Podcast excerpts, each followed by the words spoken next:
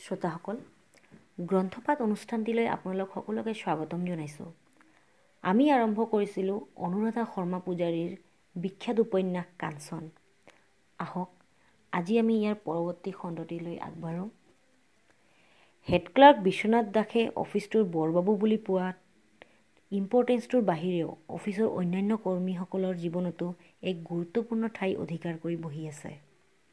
অফিচৰ মানুহবোৰৰ যিকোনো ব্যক্তিগত সমস্যা যেনে ফল্ছ মেডিকেল বিল দুখনমান উলিয়াই লোৱাৰ বুদ্ধি শিকাই সেই পইচাৰে মাহৰ শেষত নগলে নোহোৱা আত্মীয়ৰ বিয়া খাবলৈ যোৱাৰ খৰচ যোগাৰ কৰি দিয়া। স্বামী স্ত্ৰীৰ মাজত লগা কাজিয়া বেছিদিন লাষ্টিং কৰা দেখিলে এনেই ট্ৰান্সফাৰ অৰ্ডাৰ এখন টাইপ কৰি উলিয়াই ঘৈণীয়েকৰ হাতত পেলাই দিয়া। ঘৈণীয়েকেও আগৰ কাজিয়া পাহৰি ট্ৰান্সফাৰৰ সমস্যাত ডুব গৈ স্বামীৰ সৈতে মনোমালিন্য এৰি পেলোৱা আদি ঘটনাবোৰৰ মূল অবিসম্বাদী নায়ক বহু বছৰ ধৰি বিশ্বনাথ দাসেই হৈ আহিছে। বিশ্বনাথ দাসৰ মাত্ৰ এটা কথাতেই ইগত লাগে। যদিহে অফিচটোত কৰ্মচাৰীসকলে তেওঁৰ পৰা কথা লুকুৱায় তেওঁতকৈ তেতিয়া বেয়া মানুহ কোনো নাই বুলি তেওঁ প্ৰমাণ কৰি দিব পাৰে।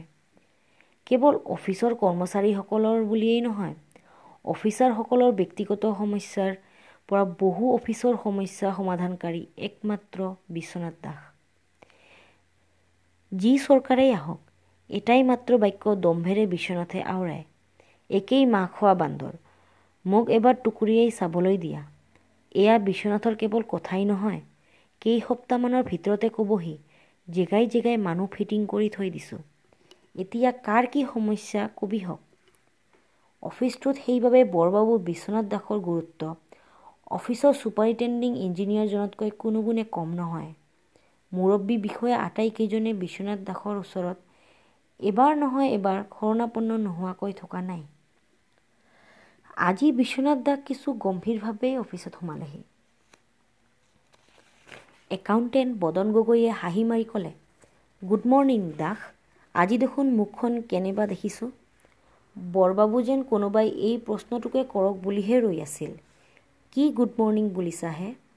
তিনিখন নাৱৰ চেংচন হ'বলৈ পালে। কেলেহুৱা সাংবাদিক দুটা বোলে আমাৰ এ চিৰ ঘৰ ওলালেগৈ পুৱাই। ত্ৰিছ হেজাৰ টকাৰ নাও বোলে আশী হেজাৰ টকাৰ টেণ্ডাৰ লৈ ঠিকাদাৰক দিয়া হৈছে। কথাটো জানো মিছা? সঁচা মিছা তুমি যি জানা অফিচৰ ভিতৰতে ৰাখা। সাংবাদিককেইটাৰ সৈতে মোকাবিলা কৰিবলৈ চাহাবে পুৱাই মোক মতাই নিলে। সেই গা পা নোধোৱাকৈয়ে সাংবাদিক দুটাৰ ঘৰত ঠিকনালৈ ঘৰ ওলালোগৈ। আগৰ বহুত কেছ এই বেটাই ছল্ভ কৰিছোঁ। এতিয়া আকৌ সিহঁত আহিছে বিশ্বনাথ দাসক চেলেঞ্জ কৰিবলৈ। বোলে সিহঁতৰ হাতত হেনো সকলো ডকুমেণ্টছ আছে। বুজিছা এই অফিচতে কোনোবা হাৰামি আছে সিহঁতক নথি পত্ৰ যোগান ধৰা। উভতি আহি ঘৰ পাইছোঁ। গেছ নাই। গেছ এজেঞ্চিলৈ পঠিয়াব লাগে এটাক। ঔ বদৰ বদৰ। বিশ্বনাথ দাসৰ খং আৰু বিৰক্তিৰে আৰম্ভ হোৱা দিনটোৰ পৰিৱেশেই অফিচটোৰ ৰুমটোৰ পৰিৱেশ হ'ল। ক্লাৰ্ক টাইপিষ্ট একাউণ্টেণ্ট পিয়ন চকীদাৰ সকলোৱে মুখত এনে এটা ভাৱ আনিবলৈ যত্ন কৰিলে যেন বৰবাবুৰ সমস্যাবোৰ আজি তেওঁলোকৰো সমস্যা। ইয়াৰ মাজতে এল ডি চি প্ৰতিমাই বৰবাবুক কাগজেৰে সৈতে টপলা এটা তামোল দুখনমান বান্ধি টেবুলত দি গ'ল। সকলোৱে জানে বৰবাবুৰ খং উঠে তিনিটা কথাত প্ৰধানকৈ। প্ৰথমে দুপইচা হাতত নপৰাকৈ যেতিয়া ওপৰৱালাৰ হুকুমত বিল পাছ কৰিব লগা হয় দ্বিতীয়তে বিশ্বনাথে নিজে মদ কিনি কেতিয়াও নাখায়। যেতিয়া সপ্তাহৰ মূৰত এটা ফাওঁতে পোৱা বটল নজতে তেতিয়া তেওঁ যিহকে মন যায় তাকে কৰিবলৈ লয়। কিন্তু এই সকলোৰে খং কেই মুহূৰ্তমানলৈও উপশম কৰিব পৰা যিবিধ নগণ্য বস্তু আছে সেইবিধেই হৈছে তামোল। বিশ্বনাথ দাসক কোনোবাই তামোল দুখনমান চূণে চাধাই তেনেকুৱা সময়ত যাচিলে তেওঁৰ খং পানী হৈ যায়।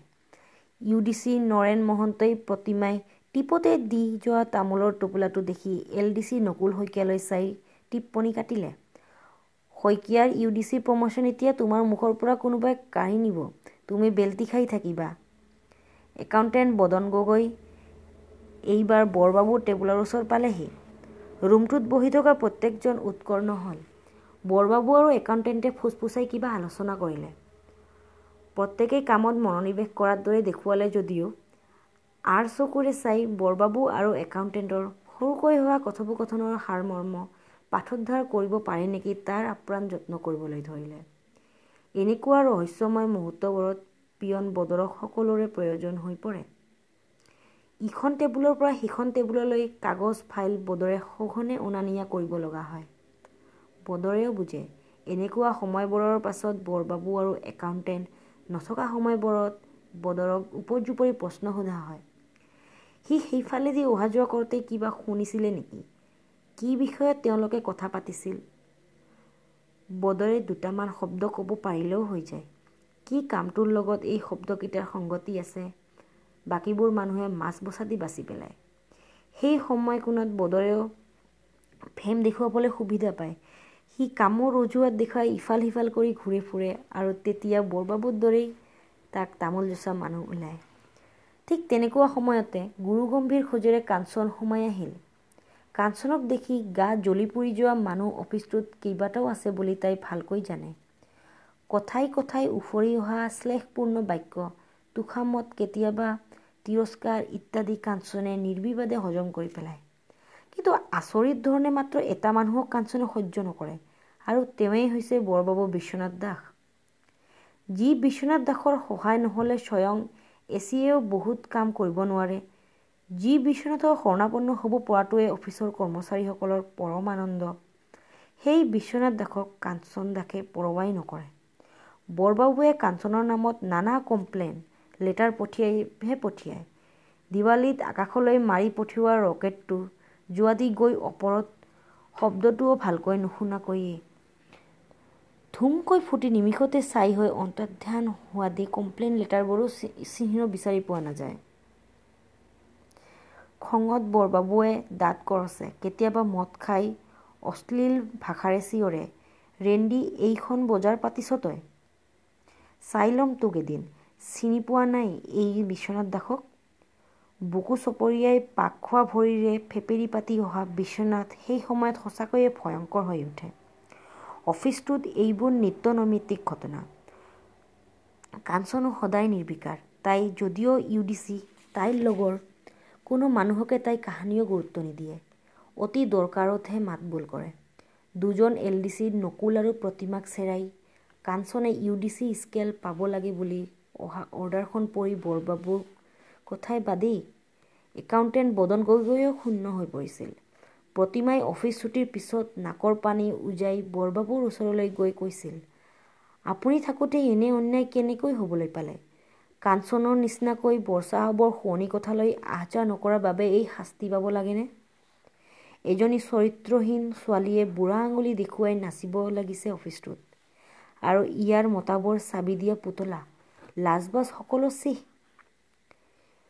পাছৰ কথাকেইটা তাই নকুল শইকীয়াক খোজ মাৰি কৈছিল কাৰণ নকুলৰো প্ৰমোচন হোৱা কথা আছিল যদিও সি কাঞ্চনৰ ঘটনাটোত কোনো প্ৰতিক্ৰিয়া নেদেখুওৱা হৈছিল।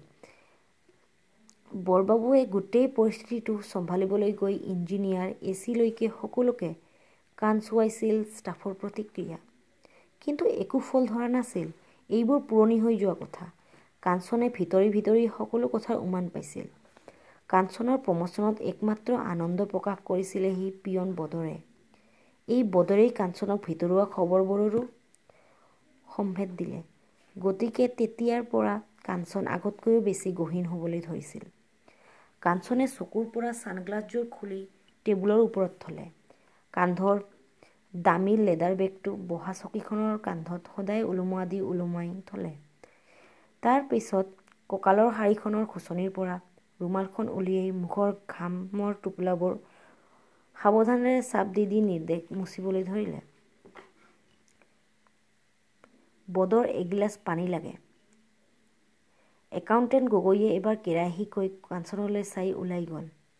বৰবাবুৱেও চিঞৰিলে বদৰ তোৰ কাম আছে ইফালে আহ।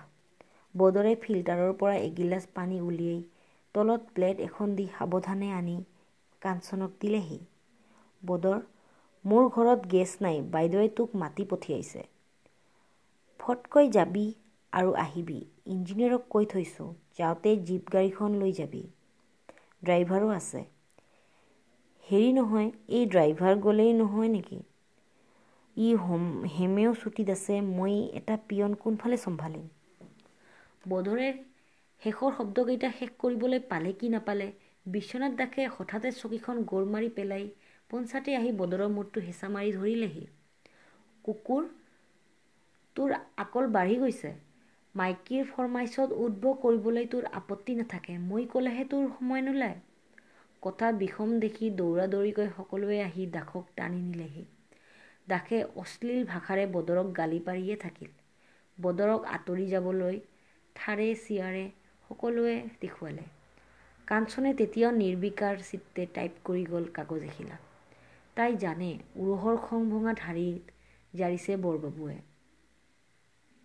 বদৰৰ ওপৰত হোৱা প্ৰতিক্ৰিয়া আচলতে বৰবাবুৱে বুজাইছে। কাঞ্চনকো পৰা হ'লে তেওঁ মুচৰি পেলালেহেঁতেন। কাঞ্চনৰ হঠাতে সহ্যৰ সীমা পাৰ হৈ গ'ল। তাই বৰবাবুক উদ্দেশ্য কৰিয়েই ক'লে এয়া অফিচ ৰুম নে গাহৰি গঁড়াল? এয়া ভদ্ৰ মানুহৰ আচৰণ নে? কাঞ্চনে কুদু বাঁহতহে জুই দিলে। বৰবাবুৱে আস্ফালন কৰি উঠিল যা চব গাহৰি মই চাই ল'ম সকলোকে। কেলেংকাৰী কৰিবলৈ ঠাই নাপালি। জনা নাই বুলি ভাবিছ হ'বলা। নতুন ইঞ্জিনিয়াৰক দেহা দেখুৱাই জালত পেলাইছে বুলি কণীও নজনাকৈ আছে বুলি ভাবিছ নেকি? বৰ চাহাবকেইটাক আমোৱালে হ'বলা। তাই আকৌ মোৰ কমপ্লেইন ওপৰত লগাই। মই তাইক হেনো মিছবিহেভ কৰোঁ। তাই এনে সতীসাধী। কাঞ্চনে কাণত সোপা মাৰি তৎক্ষণাত বাহিৰলৈ ওলাই গ'ল। গোটেই অফিচটোতে চাঞ্চল্যৰ সৃষ্টি হ'ল। বৰবাবু আৰু কাঞ্চনৰ কিবা লাগিল। কাঞ্চন যি বাহিৰলৈ ওলাই গ'ল গ'লেই। খঙত যাওঁতে বৰবাবুলৈ চাই কৈ গ'ল ঘৈণীয়েৰৰ আগত গৈ বৰমতা দেখুৱাব। অফিচত মোৰ আগত নহয়। কাঞ্চন সেইদিনা আৰু অফিচ নাহিলেই।